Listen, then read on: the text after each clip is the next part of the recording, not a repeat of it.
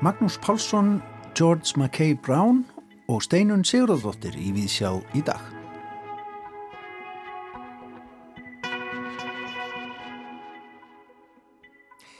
Steinun Sigurðardóttir skáld og ritt höfundur Gegnir starfi Jónasar Hallgrímssonar í ritlist við Háskóla Íslands í vetur þar sem hún mun einbeita sér að ljóðlistinni. Steinun fagnar 50 ára ritthöfundarafmæli á þessu ári en fyrsta ljóðbók hennar Sífellur kom út árið 1969 og væntanleg er ný ljóðbók eftir Steinunni sem ber heitið Dimmu mót. Hún kemur út í oktober. Steinun er að koma sér fyrir hérna hjá okkur í Víðsjá við ræðum við hana hér rétt á eftir. Það gekk mikið á í Hafnarhúsi Listasaps Reykjavíkur í morgun þegar okkur bar að gardi en þar verður opnið á lögadag nýsýning á verkum Magnúsar Pálssonar. Sýningin heitir Eitthvað úr engum en sýningastjórar eru þeir Sigurður Trösti Tröstason og Markus Stór Andresson. Við ræðum við Markus og við listamannin Magnús Pálsson í Víðsjá dagsins. Já og við förum líka til Orkneia að gefnu tilefni. Gauti Krismansson hann fjallar í dag um sagnasafnið Einmunatíð eftir orknega skáldið George Mackay Brown.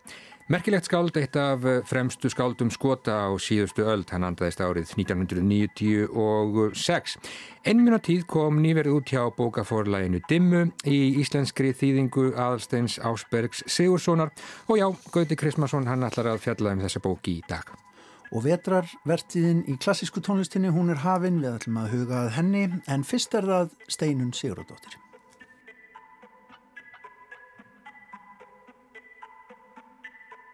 Velkomin í Víðsjá Steinun Sigurðardóttir.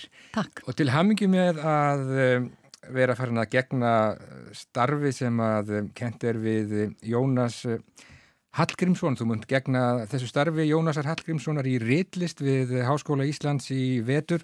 Þér leiðist nú alla að taka við eh, þessu starfi, starfi sem að kent er nákvæmlega við þetta skáld. Þetta er náttúrulega, já, ég kalla þetta nú bara upphefð og ég er að kenna ljóðlist en það kemur það vel á monda. Fyrsta ljóðbókjum kom náttúrulega fyrir hálfri öll eins og líður með ljóst.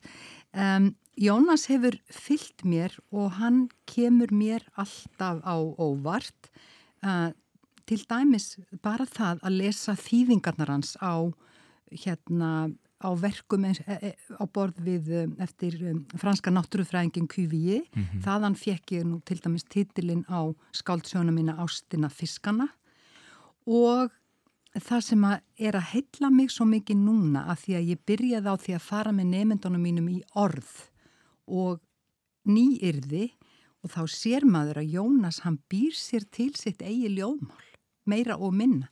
Öll orðin sem að maðurum finnur upp í ljóðmálinu, hann fann líka upp sko, fullt af orðum í náttúrufræði Já. og hann er til dæmis á heiðurinn orðinu Páagaukus og eitthvað smá, smottir í sér nefnt.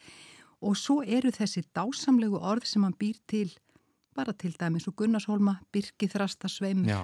Við erum búin að velta okkur upp úr þessu. Ljósvaki. Já, Já. hugsaði þér. En svo er maður að komast að þessu sem ég hef ekkert hugsað sérstaklega út í þángu til núna að mörg önnur af skáldunum okkar hafa gert þetta. Í tímanum og vatninu býr steitt steina sér til sitt eigi ljóðmál og ég er bara fann að halda að ég hafi að einhverju leiti gert þetta sjálf líka. Já, þannig að Jónas hefur, hann fylgir þér.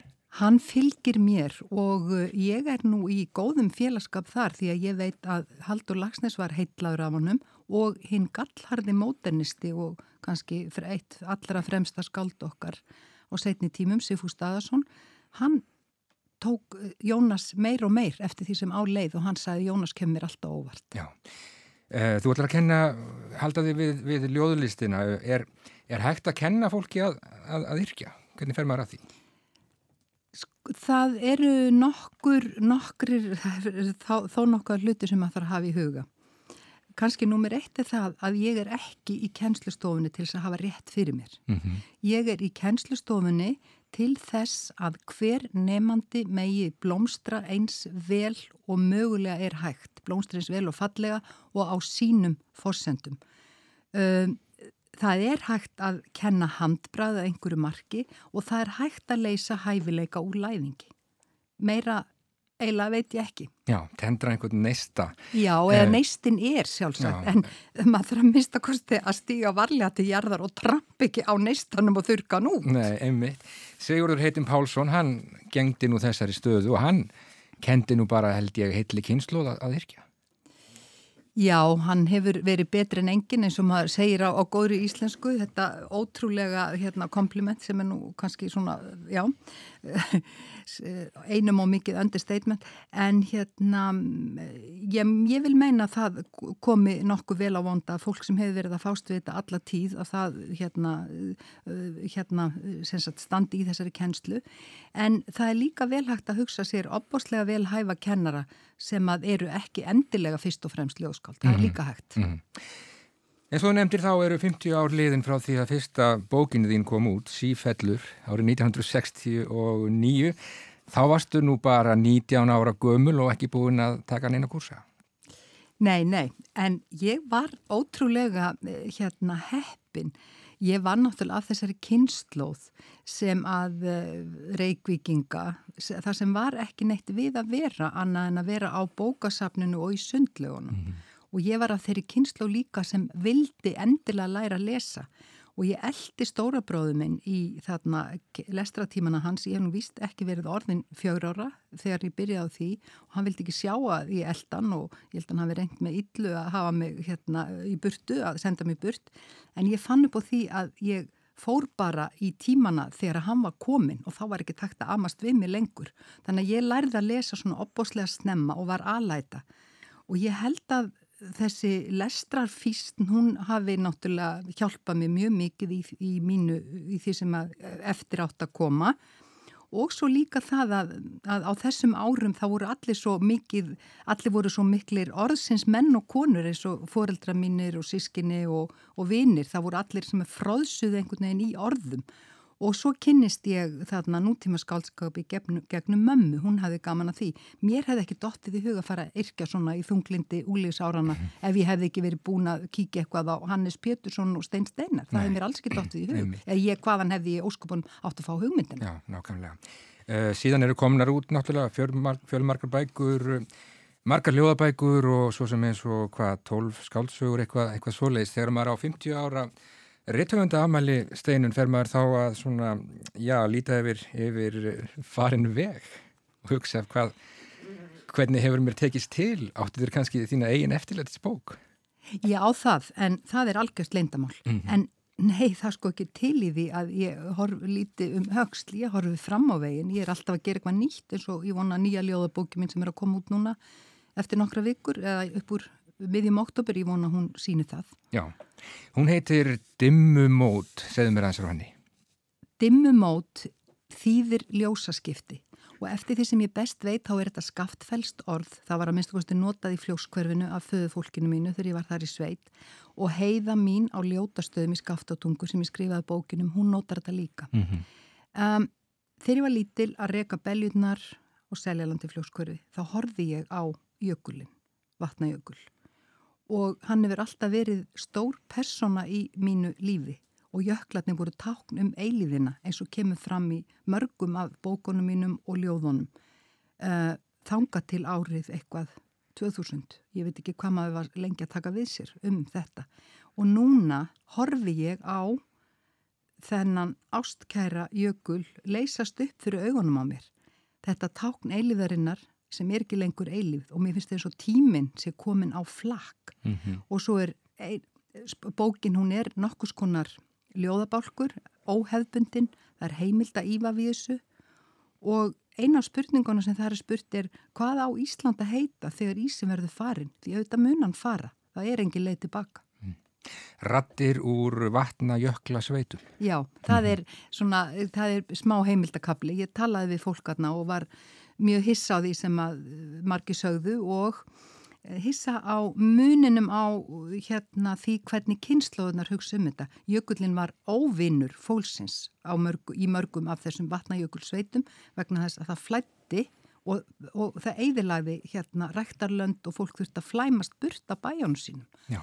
Og, það, og í sömu sveitunum var, voru menn skítrættir við hann og börn máttu alls ekki koma náláttanum í öðrum sveitum þá klöppuðu þau jöklinum og leku sér við hann bara eins og leikvila og var að kasta hann steinum eins og barn við sjóin myndi fleita kettlingar. Þetta er nú svo gjössanlega heitlandi návíið á Íslandi við jökulin, nábílið, það er vist hverki í heiminum sem að svona laga finnst. Nei. Sko, það er svo skrítið að þetta útsýni sem ég hef úr mínu, mínu, mínu litla húsi þarna fyrir austan að að bera þetta saman við það sem var þegar ég var að reyka beljuna sem krakki. Mm -hmm. þú veist, það get ekki hort á jökulin á þess að bara fyllast sorg. Þetta Já. er svo enkennilegt og svo náttúrulega það sem koma skali menna það, lónin sem myndast og þetta bara verður gjörbreytt landslag og skapar hugsanlega eða næstu því öruglega hættu. Já Þú hefur mikið verið að hugsa um já, náttúruna og, og þessi stóru mál sem, að, sem að við erum að glýma við nákvæmlega núna, steinun og náttúruna náttúrulega leikur stórt hlutverk í mörgum bókaðina, íslensk náttúra og, og þú átt nú heiðurinn af þessu orði, amfara hlínun sem mennur færður að nota í gríðverk. Já, já, ég er frekar stolt af þessu orði. Það þýðir ekki það að maður er alltaf að nota það um alltaf, það er loftslags vá er annað, en ég mótmælti því sem sagt í ræðinu þegar ég gerði þetta ofinbært hérna með opnum bókmyndaháttir í vor að ég mótmælti þessu orði lofslagsbreytingar. Þetta mm. er mhm. alveg orð sem er til þess fallið að breyða yfir hvað er í gangi. Breyting er eitthvað sem getur verið til hins betra. Það er, það er svona orð sem að hérna, hjálpa til við að viðhalda hættulegu ástandi. Og hérna, þannig að ég er stolt af þessu orði, hamfarlínun. En sko, talandum náttúruna, Eirikur, ég meina, það er ekki hægt að vera að það er ekki hægt að hugsa eins um hana eins og maður gerði fyrir kannski 20 árum eftir það að öll þessi hægt að stedja raðinni. Nú er hún, nú er búið, hvað ég segja, eiginlega eiginlega það fyrir okkur líka. Ég myndi aldrei geta orti náttúruljóð eins og þau sem ég orti fyrir 20 árum, Nei. eins og ástandið er núna. Nei. Og líka skiluru, það er ekki hægt að vera bara innan gæðsalappa íslensku náttúruvenda sinni.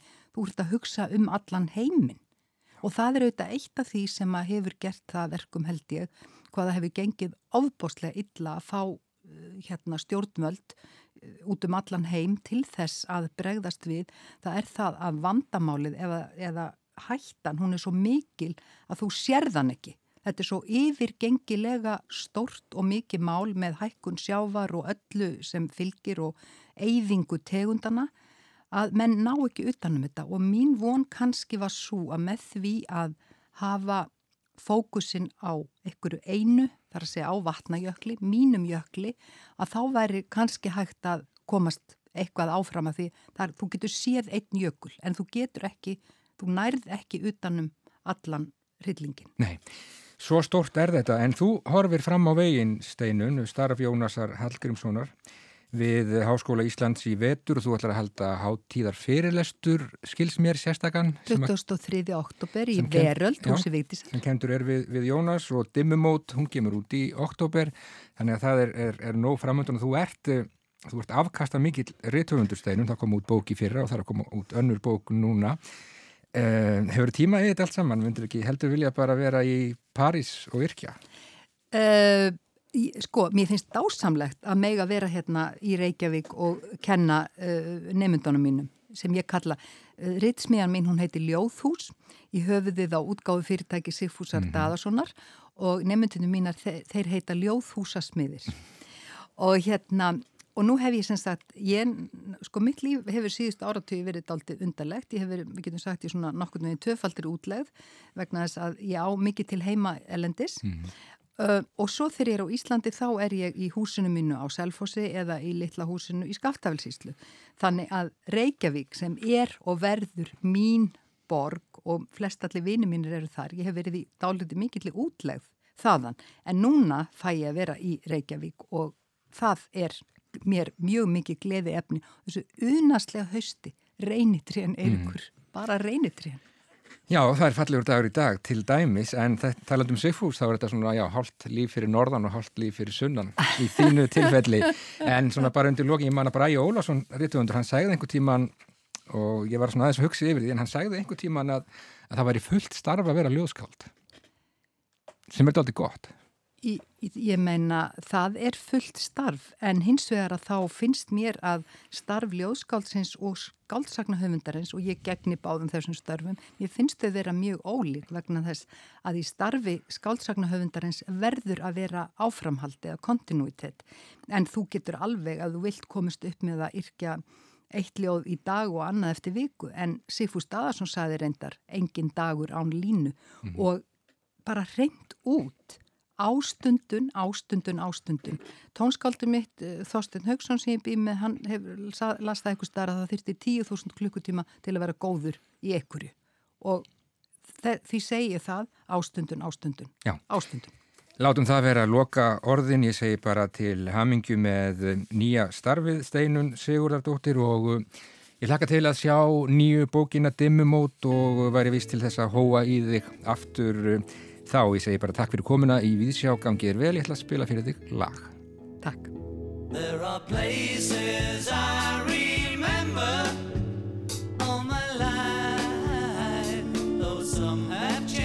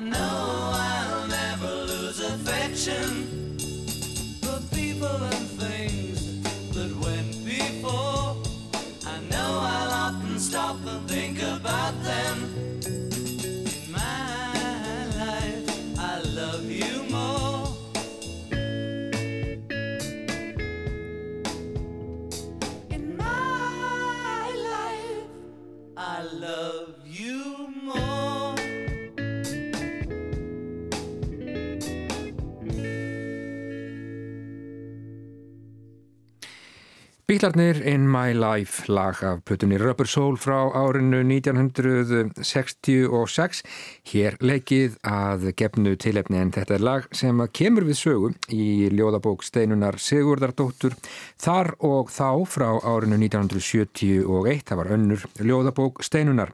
Steinun gegnir eins og áður segir starfi Jónasar Hallgrímssonar við Háskóla Íslands í vetur og um, er það vel það má ansi margt læra af steinunni Sigurdardóttur þegar kemur að ljóðlist og skálskapi yfir höfuð þetta verður öruglega ekki leðinlegt. Nei, maður trúir því.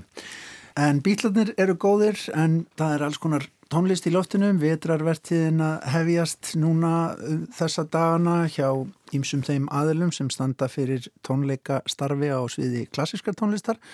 Vel maður nefna ykkur hlustendu góðir nokkur dæmi því að tónleikaröðin 1515 til dæmis sem að Kabút tónlistarhópurinn hefur staði fyrir undanfara ár og er forvitnileg mjög hún er að fara af stað aftur núna. Það er, hefur verið þannig undanfara ár að Kabút-hópurinn hefur komið saman í Norrænahúsinu en færi sér nú um set tekur sér stöðu í Breiðholtskirkju og núna á lögadaginn 28. september þá fer þessi ágita tónleikaröð já, af stað og hún hefst með portréttónleikum þar sem að Áskell Másson og hans verk eru í forgrunni. Þetta eru þannig portréttónleikar að tónskaldið sem að kemur þarna fram með sín verk það velu sér líka annað tónskáld til flutnings og að þessu sinni valdi áskjall sér verk eftir Toru Takemitsu, kollega sín japanska.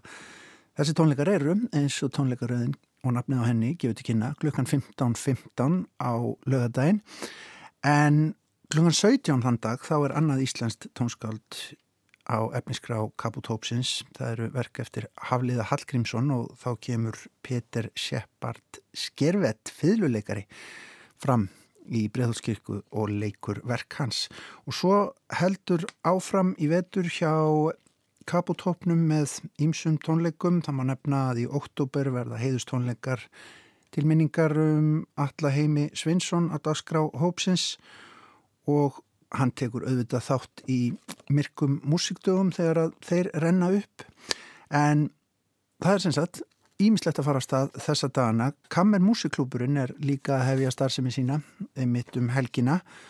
Þeir eru á dagskrá á sunnudögum í Hörpu í Norðurljósa sal og tónleikar klukkan 16 fyrstu tónleikar núna á sunnudagin þar verða fluttir tveir magnaðir piano kvintetar eftir tvö merkilegt tónskáld, Jóhannes Brahms og Sergei Tanjev, rúsan. Það er verk sem heyrist ekki mjög oft en er engar glæsilegt í flutningi og þannig er það Tríó Nordica, skipað Auði Hafsteinsdóttur, Bryndísi Höllu Gilvadóttur og Mónu Kontra sem að myndar kjarnan í kvintetinum en Helga Þóra Björgvinsdóttir og Þórun Ósk Marinósdóttir leggja þeim einnig lið. Það er forvitnilega efliskrá á tónleikum vetrarins hjá Kamimúsuklubnum eins og alltaf tónleikar þeirra eru hluti að síkildum sunnudögum sem er eiginlega röð hörpu í vetur um að gera fylgjast vel með því hvað þar er á báðstólunum. En í hörpu á sunnudaginn um kvöldið eru líka enn einir tónleikarnir sem að réttir að benda á. Þar er á ferðinni bandariskur píónleikari Jeremy Denk að nafni Hann heimsækir Ísland í fyrsta sinn og þykir mjög frambærilegur píanisti. Hann ætlar að leika á tónleikunum verk eftir Jóhann Sebastian Bach, Georgi Ligeti, Frans Liszt, Alban Berg og Robert Schumann. Þannig að það er engin ástæði til að sitja heima, það er nóg að hafa í tónlistarlífi landsmanna þessa dagana. Já, þetta eru þetta sá ástími þegar einhvern veginn allt er að fara af stað og Já. Bækur eru að fara að koma út uh, ábygglega mjög margar eins og venjulega. Og heilu haugarnir. Alltaf fleiri og fleiri. Og við munum auðvitað fylgjast með bókaútgáfinni hér í, í Víðsjá með umfjöllunum og gaggrinni og viðtölum og við vorum að tala um bókmyndir áðan og við ætlum að snú okkur aftur að bókmyndum hér í Víðsjá á fymtudegi Við ætlum að halda að gefnu tilefni til Orkneja. Gauti Krismansson tekur við. Ísland og Orkneyjar vorum aldir á sama menningasvæði ef svo maður komast. Það voru rík tengsl millir fólks á þessum slóðum og það meiri sér til einn saga sem köllur Orkneyingasaga, rittuð Íslandi og varðveitt í flathegjarbók sjálfri. En það er fleira sem tengjur okkur Íslendinga við Orkneyinga og reynar skota alla að mínum dómi. Fljótlega eftir ég hófa nema skoskar bókmyndir við Háskóla Íslands og síðar Edinborgar Háskóla komst ég að því að hjartsláttur íslenskra 20. aldar bókmynda var mjög í takt við þann skoska. Allir íslendingar sem lesa þríleikina Scots Quare, skoska hverið, finna þega fyrir þörfa samanbörði við verk Haldós Lagsnes, en það voru þeirri Lewis Grassy Gibbon á sama aldri og sömu stjórnmálaskoðana á fjórða áratug undan genginar aldar. Sama má segja um verk Niels Gunns sem til að mynda skrifaði meistaraverkið The Silver Darlings eða Silfur Hafsins fyrir mörgum áratugum og ég botna ekkert í hversin ekki búið að þýða fyrir löngu. En skildleikin er sterkastur þegar við skoðum höfunda frá Hjallandsegjum og Orknegjum og það verður að segja þýðanda bókarinnar einmunatíðar aðalsteini Ásbergi Sigursinni til Hross að hann hefur synt þessum höfundum bæði sem þýðandi og útgefandi. Höfundu þeirra bóka sem hér undir, George Mackay Brown, fættist 1921 á Orknegjum og lest 1996 og átti hann langan og farsælan feril að baki sem ljóðskáld, sagnahöfundur og leikskáld. Hann er því raun nokkus konar þjóðskáld orknæja, því að sögusvið hans tengdust heimahögunum oftast nær og þá er ég ekki að tala um væmnar upphafningar heimahagana, heldur skarpar greiningar á mannlegu eðli og tilfinningum þar sem sögusvið og mannfólkið er höfundi kunnugt. Sama gera íslenskir höfundar þegar þeir skrifa um íslenskan veruleika. En Mackay Brown var líka yðin við að skoða sögu orknæga í skrifum sínum og þá tengjast sögu þessara svæða vitaskuld enn frekar. Og frægust er kannski skaldsaga hans Magnus frá 1973 þar sem hann notar sér einmitt orknægingasögu og aðrar heimildir til að segja sögu frendana og jarlana Magnúsar Erlendssonar og Hákons Pálssonar á tóltuöld. En að einminatíð. Þetta var hans annað smásagnasapn og það sem kom honum á korti sem sagnahöfundur. Áður hafði hann gefið út ljóðabækur við góðarönditektir. Í bókinni eru tólf smásögur og það er ljóst að þær eru mestralega unnar og ekki síst hefur hugsaði til skildleikans við íslensku miðaldabókmyndinar sem Mackay Brown nýti sér til að skrifa nútímalega smásögur um fólk frá flestum öldum orknæja. 13. aldar vikinga og krossfara til síðustu sögunar um unga höfundin sem er að kljást við að skrifa bók um lífið og tilveruna en hyggstar á kaplanum um ástina. Sumasögurnar eru grimmilega lýsingar á veruleika litlu sjáaþorpana og bændalífsins á eiginum og eitt þráður er þar allt sterkur en það er svo hugfró og það helvíti sem áfengið veitir fólki. Oftast köllum en einni konum eins og í fyrstu sögunni selju. Hún sýnir samt í hnótskurt hvernig Mackay Brown getur stilt um manngerðum og möguleikum sem mætast og takast á með einhverjum hætti. Þetta er existensialískur þráður í sögum þessa katólska skálds en hann let skýrast á fullorins árum til þess síðar. En spurningin um ósvikið líf anspænið sinu vannlifaða virðist vera vakandi í mörgum þessara sagna og reynar fleiri verka Mackay's Browns. Titilsagan einmunatíð er einni dæmi með þetta. Þar kynnust við einni gerðin af Bjarti í sömarhúsum, allavega verður manni hugsa til hans í þessari fyrstu personu frásögn manns sem þrjóskast lengi við en sættir sig á endanum við takmarkani sínar og tekur að sinna því sem hann getur best. Það er meira undir í þessari smásögu en margri þykri skáldsögunni. Manni finnst maður gjörð þekkja personundan hans eftir hans nokkra blaðsýður og hér kemur inn þessi skildleiki sem ég nefndi við áttum og eigum höfunda sem miðla mannfólkinu á Íslandi gegnum tíma og reynslu á svipaðan hátt og getum þessna tengt enn betur við þetta. Ekki vantar heldur fjölbreytni í stíl og efnistökum.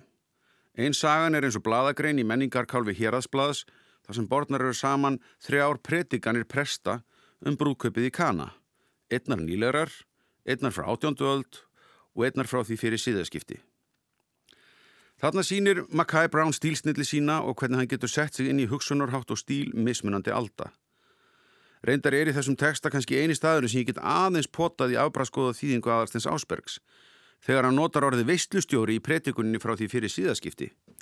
Atriði sem kom ekki inn í þýðingar á frásögninni í biblíunni fyrir hann á síðustu öld á íslensku.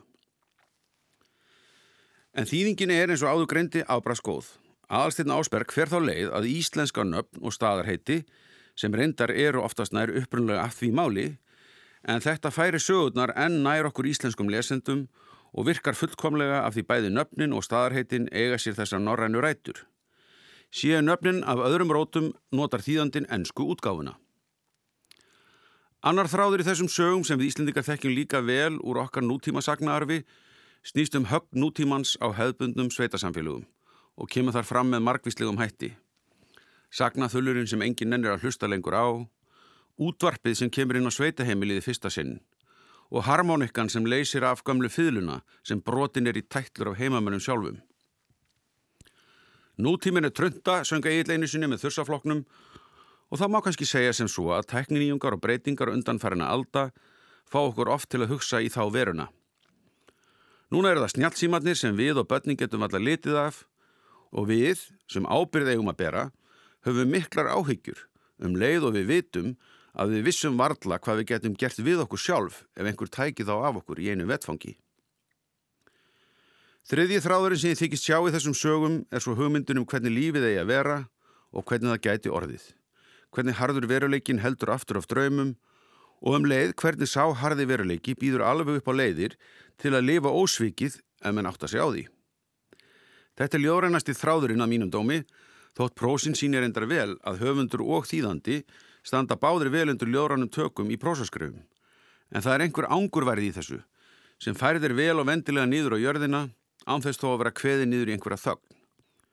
Þannig er þessi mikla flétta mannlegra tilveru bundin saman og við sjáum í henni alla möguleikana og blindgöturnar sem við öll flækjumst um eins og sögupæstuna sjálfar og ekki spilli fyrir okkur íslenska lesendur að okkur finnst við þekkja þær allar mjög vel.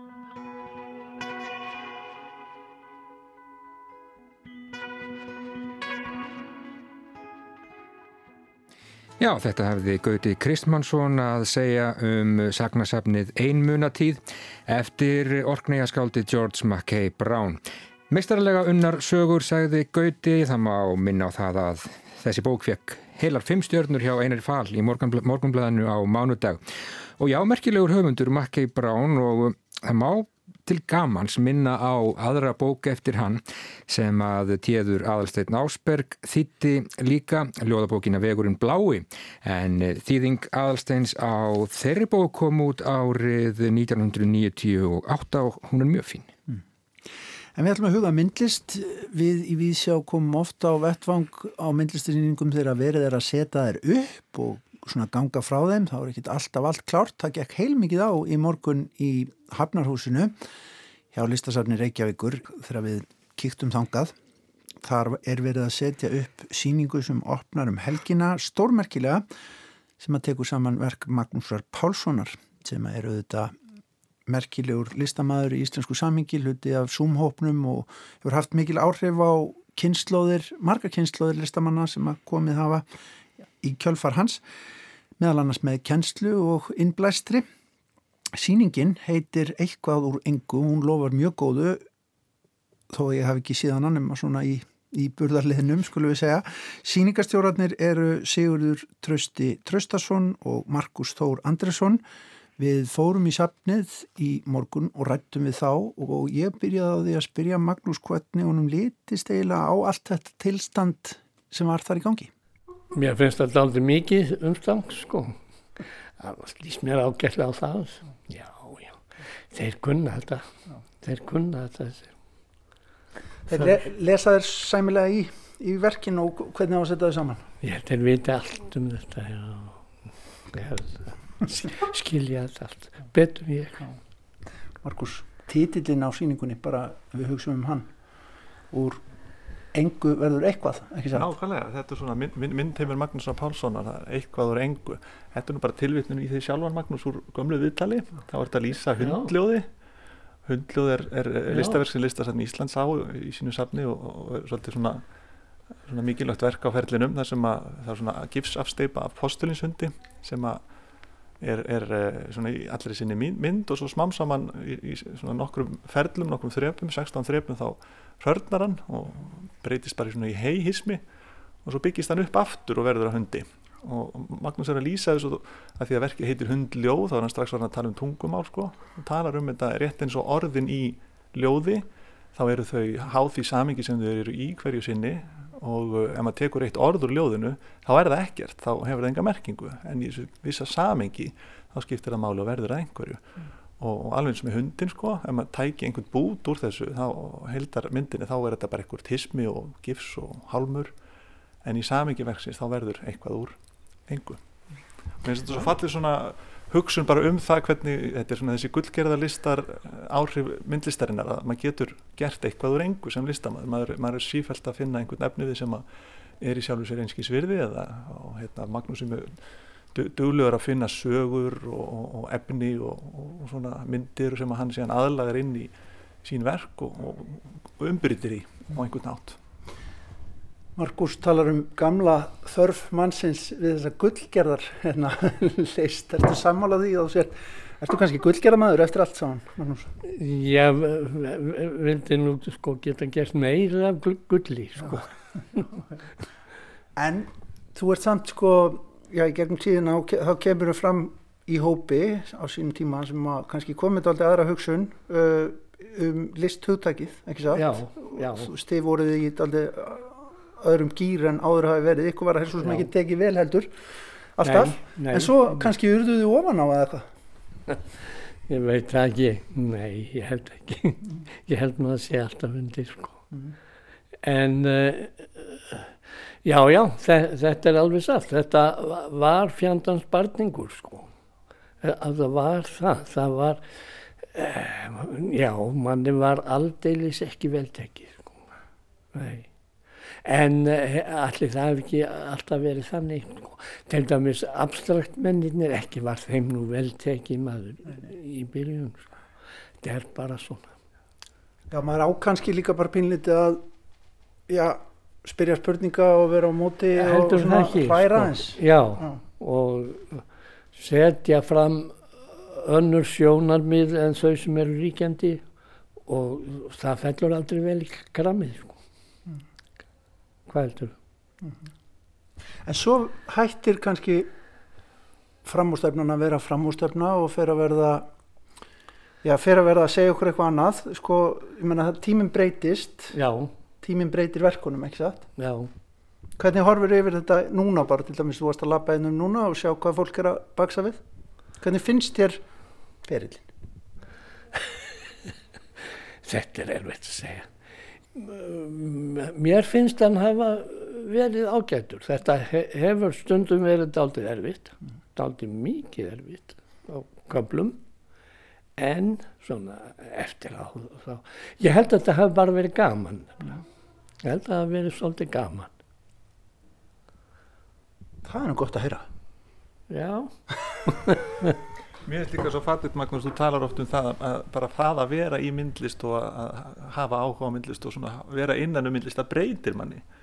Það breytir hugar, hor, svona, svona hugamanns og hvernig maður horfir á heiminn og skinjar heiminn. Já, þannig að það er sama kannski hvort að maður, maður er að gera einhverja stórkostlega hluti sem að lifa að eilífu en bara það að vera í þessari hugsun það er, það er í sjálfu sér skapandi ferli já. Sumt átti heldur ekkit að lifa. Nei, nei. Nei, Mátti, nei. mátti fara og mátti hverfa. Já, já. Uh, sumt uh, sett ég út í rigningu, sko, stóð kannski vikum saman út í rigningu og smágrotnaði niður. Það var út af fyrir sig uh, prósess sem var listin. Það var ekki sama verki frá degi til dags, það var breytt, breytist alltaf. Var smá saman að engum.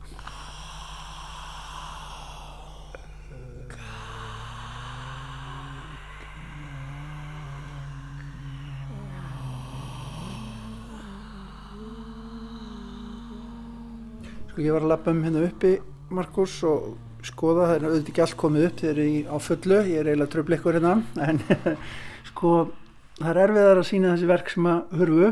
Uh, þau eru til kannski í svona einhverjum dokumenti eða minningum eða einhverju slíku en það er ansi breytt svið verka sem er á þessari síningu getur kannski aðeins svona sagt okkur upp hvernig þið hugsið síninguna, vegna þess að hún mun vekja aðtegli, ég er alveg viss um það Já, þetta, við skiptum þessu svona skýrt upp eftir bæði tímabilum og, og áherslum eftir þeim fjórum síningarsölum sem verkin eru í. Þá erum við með til þess eitt síningarsal sem heldur utan um fyrstu 30 árin á ferlirum og svo annan sem heldur utan um setni 30 árin á ferlirum það er ákveðin vatnaskil þar á milli þar sem að Magnús fer að gera starri innsetningar og fer að byrja út fyrir síningarsalina fer að gera meira af samstarfsverkefnum og gjörningum og stórum viðamiklum innsetningum og sem svona greinir þessi tvö tímabild aldrei að og síðan er það, er það sérstök áherslu á bókverkin því að Magnús hefur uh, sko, unnið alveg svakalega mikið í bókverk og þannig kannski komið til skila hlutum eins og samstarfi við nefnendur sína eða við aðra listamenn eða, eða einhvers konar tilraunir með efni og, og innihald. Og þannig að bókverkið er svona svolítið líkilatrið í, í einu salum og, og, og svo er það ákveðið tímabil á áttunda áratögnum þar sem að Magnús var að föndra við gifst aldrei mikið og, og, og að hugsa um sem sagt til óefniskenda sem eru tilfinningar eða, eða loft eða hljóð eða, eða eitthvað sem er í svona óáþreifanlegt. Og notaði gifs svona til þess að myndgera þetta. Og það er eitt, eitt salur sem tekur sérstaklega hlutur um þessi verk á ferðli hans. Og síðan er allt hafnahús í rauninni bara íðandi, við erum að nota líka bara gangana og, og reyna að koma sem sko flestu að. Þó að vissuleiti getur við engan veginn kannski gert skil svona þessum setni stærri og viða meiri gjörningum að því þeir veist, einnir átti sér stað á sviðinu í hörpu og, og aðri taka undir sig heilu síningarsælina og þannig að við getum kannski ekki komið því til skila en, en þó við svona vísum til þess í ímsu heimilda efni sem að fylgja síningunni Þrætubálkur. Þrætubálkur. Þrætubálkur. Sko áttuður eitthvað uppáhald Magnús af svona þegar þú horfir yfir upp á hans verk. Já, ekki held ég það. Nei. Nei, nei, ég, ég held ekki. Sum náttúrulega uh, hverfa svolítið í minningunni, önnur einhverja hluta vegna, vegna þess kannski að þeir, þau, þau eru sett þar sem maður sér þau og maður losnar aldrei við þau, maður man alltaf eftir þeim verkum, veit, veit af þeim, önnur kannski eru ekki sjónmáli og svoleiðis að þau kannski gleymast frekar en svo kemur þetta náttúrulega alltaf upp í hausinn því að þetta er hlutamanni sem maður getur ekkert losa sig við þetta. Nei. hversu fegin sem maður vil Já, það er, það er, en það er svona bara ljúfsárt, ljúfsár pælingir unni. já, hún er hún er það. Sko, mann finnst sko einhvern veginn þessi hugsun á sín tíma sem Magnús kom með og sem Súmið kom með líka, þetta nýja listhugtak sko var umdelt á sín tíma. Það verður síðan ofan á. Svo líður aðeins tíminn. Það er, veist, það er komin ný uh, það eru aðra hreyfingar í dag. Sérðu áhrifin í dag í samtímanum Markus? Já, ég held að sé óhjákvæmilegt að, bara sama hvar borðið er niður í íslensku menningarlífi. Og þá er ég ekki bara að tala um myndlistina heldur í leikúslífi og, og, og víðar. Að Magnús hefur, þú veist, lagt rosalega mikið á voðaskála, þú varst mjög mikið í, í félagsmálu myndlistamanna, þú varst mikið að kenna. Og það er gríðalega margir listamenn sem að hafa sko notið þinna leðsagnar og þar að leiðandi eru áhrifin eh, ekki síst þar og, uh, og bara hugsunin um hvernig, hvernig það eins og þú tala náttúrulega sjálfur, þetta er alltaf aldrei fyndið svona hál, hálfkveðnar vísur þegar þú dregur í og úr með, ma- verkin eru, eru þeir mikil svirði en, en þau eru líka einhvern veginn skipta ekki endilega málu með að hverfa. Þú veist það er þetta svona að, að draga í og úr sem að, þetta er ákveð viðhorf sem að er sem er algjörlega fest á sínum tíma en er í dag orðin svona frekar viðtekun venja gagvart hvernig fólk blanda saman lífi og list og, og ferli skiptir máli og, og þessi nálgun kannski að þótt að náttúrulega miðlarnir og viðfangsefni séu kannski önnur hjá yngri kynslu og listamanna þá er, þá er það kannski þetta viðhorf sem að hefur ekki síst svona setið eftir og það er Magnús, uh, þar á hann rosalega stóran hlut held ég. En svo er þetta aldrei skemmtilegt, þú lýsir þessu hérna, svona, hvað maður að segja, pínu kærleisislega viðhorfi gagvart arfleiðinni, Síð- síðan takið þið safnafólkið við. Og þá þurfið þið verk til þess að sína, ekki satt, sko, það gengur ekkit alveg upp þetta viðhorfi það að hérna, allt megi bara tínast og, og glatast. Nei, auðvitað ekki, það er, það er svo sjálfur, alveg, alveg hreint eðli, eðli okkar safnamanna við, við verðum að passa upp að þetta. Og, og kollegi minn uh, Sigurður Trausti Traustason sem stýrir hérna deil safningnar og rannsókna, við erum síningarstjóra saman að þessu verkefni, vinnum þetta á samt Magnús og fjölskyldu og uh, hann uh, þekkir inn og út uh, skjalasafnið eða heimildasafn sem að listasafnið varðveitir um allan fyrir Magnúsar. Og það er í sjálfu sér aldrei einstakt að, að, að safn skuli varðveita heimildasafn einhvers listamanns. Og, og í tilviki Magnúsar er það mjög mikilvægt vegna þess að emmitt verkin eru mörg hver staðbundin, tímabundin, hverful og, og horfin sem hver. Og gjörningar að þeirri stærðagráða að er bara til sem dokument þannig að eiga aðganga slíku heimildasafni er í rauninni mjög mikilvægt og, og í rauninni kannski eina leiðin til þess að varvita margt af þessu. Og ef að til þess kemur síðan að endur gera eitthvað eða setja hlutina upp aftur í nýju rými þá, þá eru þarna gríðarlega miklar heimildi sem hægt er að byggja á um alla framtíð. Og, og, og þannig sem sagt getur safn nálgast svona þessa gerð listar það er, er kannski ekki yngöngu með list hlutum eða listaverkum heldur ekki síður með, með því að varðvita söguna í kringum verkin Gegnum tíðina, Magnús, sko, þegar þú varst að setja hluti til hliðar, hluti sem var enda síðan í þessu safni sem hann er að tala um, eh, heimildasafni, varstu mjög, sko, hirðusamur og, og hérna, passasamur upp á allt, það he- held ég nú, held ég nú ekki sko, nei en þetta er huga að þetta er það einhver, eh, einhverju svona heilstæðu safni. Nei, ég hugsa, ég hef nefnilega ekki, ekki hugsað það, en uh, ég, ég bara veit þetta ekki fyrir enn svo sem annað. En uh, það er eiginlega það sem að þessi breyting sem gerist er það að, að þetta verði þessi uh, sjónræna list sem að maður bara nálgast með augunum raunar. Maður nálgast með augunum og, og, og tilfinningunum. Og þetta verður þessi gjör breyting á því að uh, listaverkið er kannski ekki neitt sjónrænt. Það var alltaf, og, og, og síst af öllu kannski fallegt. En uh, það er hugsunin. Og þetta er eðlisbreytingin á, á listinni. Að list, uh, hún fer að gerast í hausnum. Tengingarnar gerast það. Meira enn í, já, meira enn í brjóstinu og, og, og réttinunni. Mm -hmm.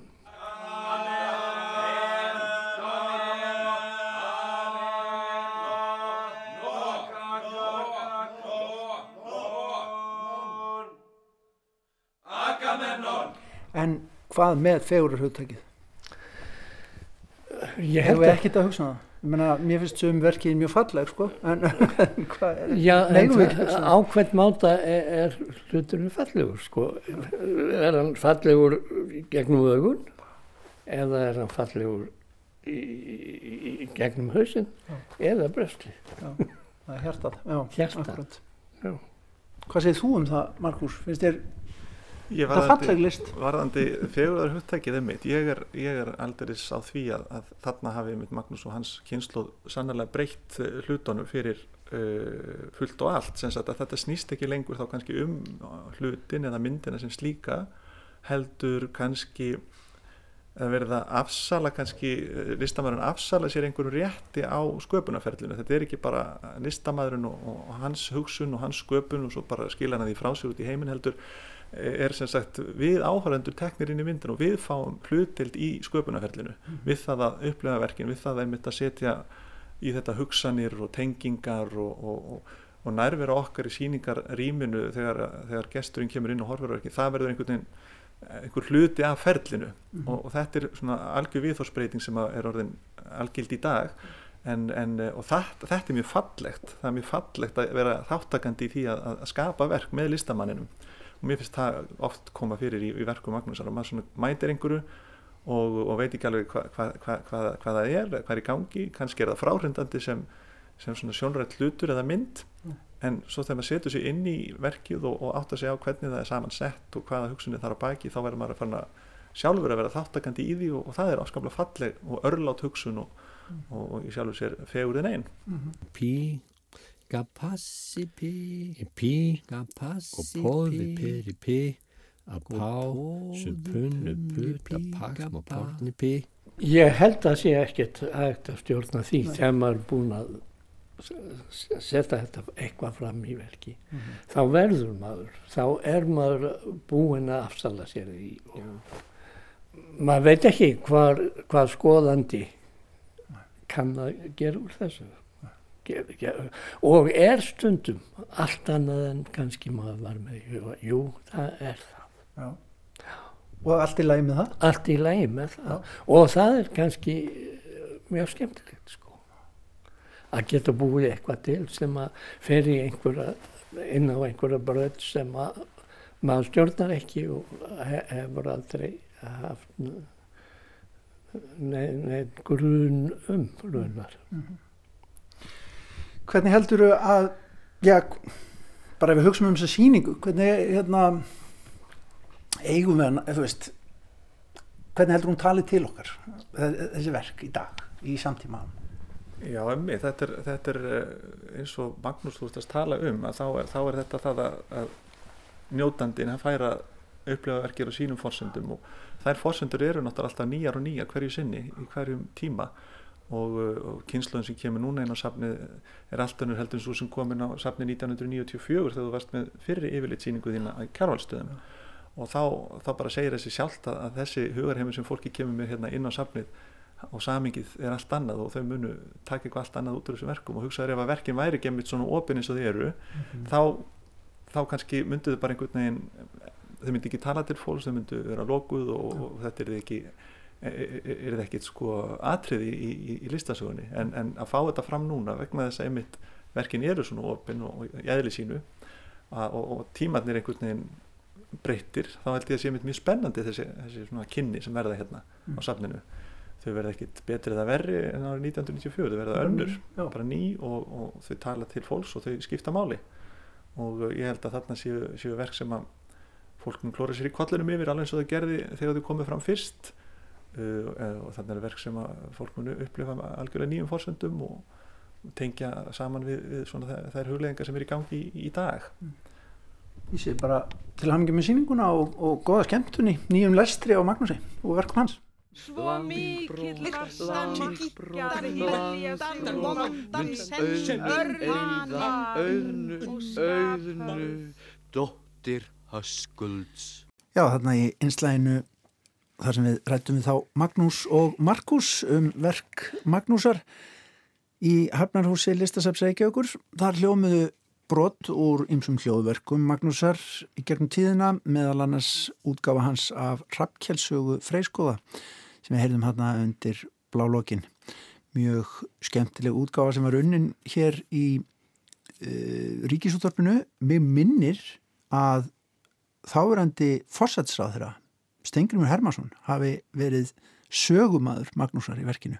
Þetta er allt til í Já. safni ríkisútarsins. Gott ef ekki var, en þetta verður bara dálítið flott, er það ekki? Jú, þetta virkar bara mjög vel á mann þessi síning og verður áhugavert að vita hvernig við bregðumst við eins og Markus sagði áðan, hvernig við bregðumst við þessum verkum á nýjum tímum. Já, einmitt.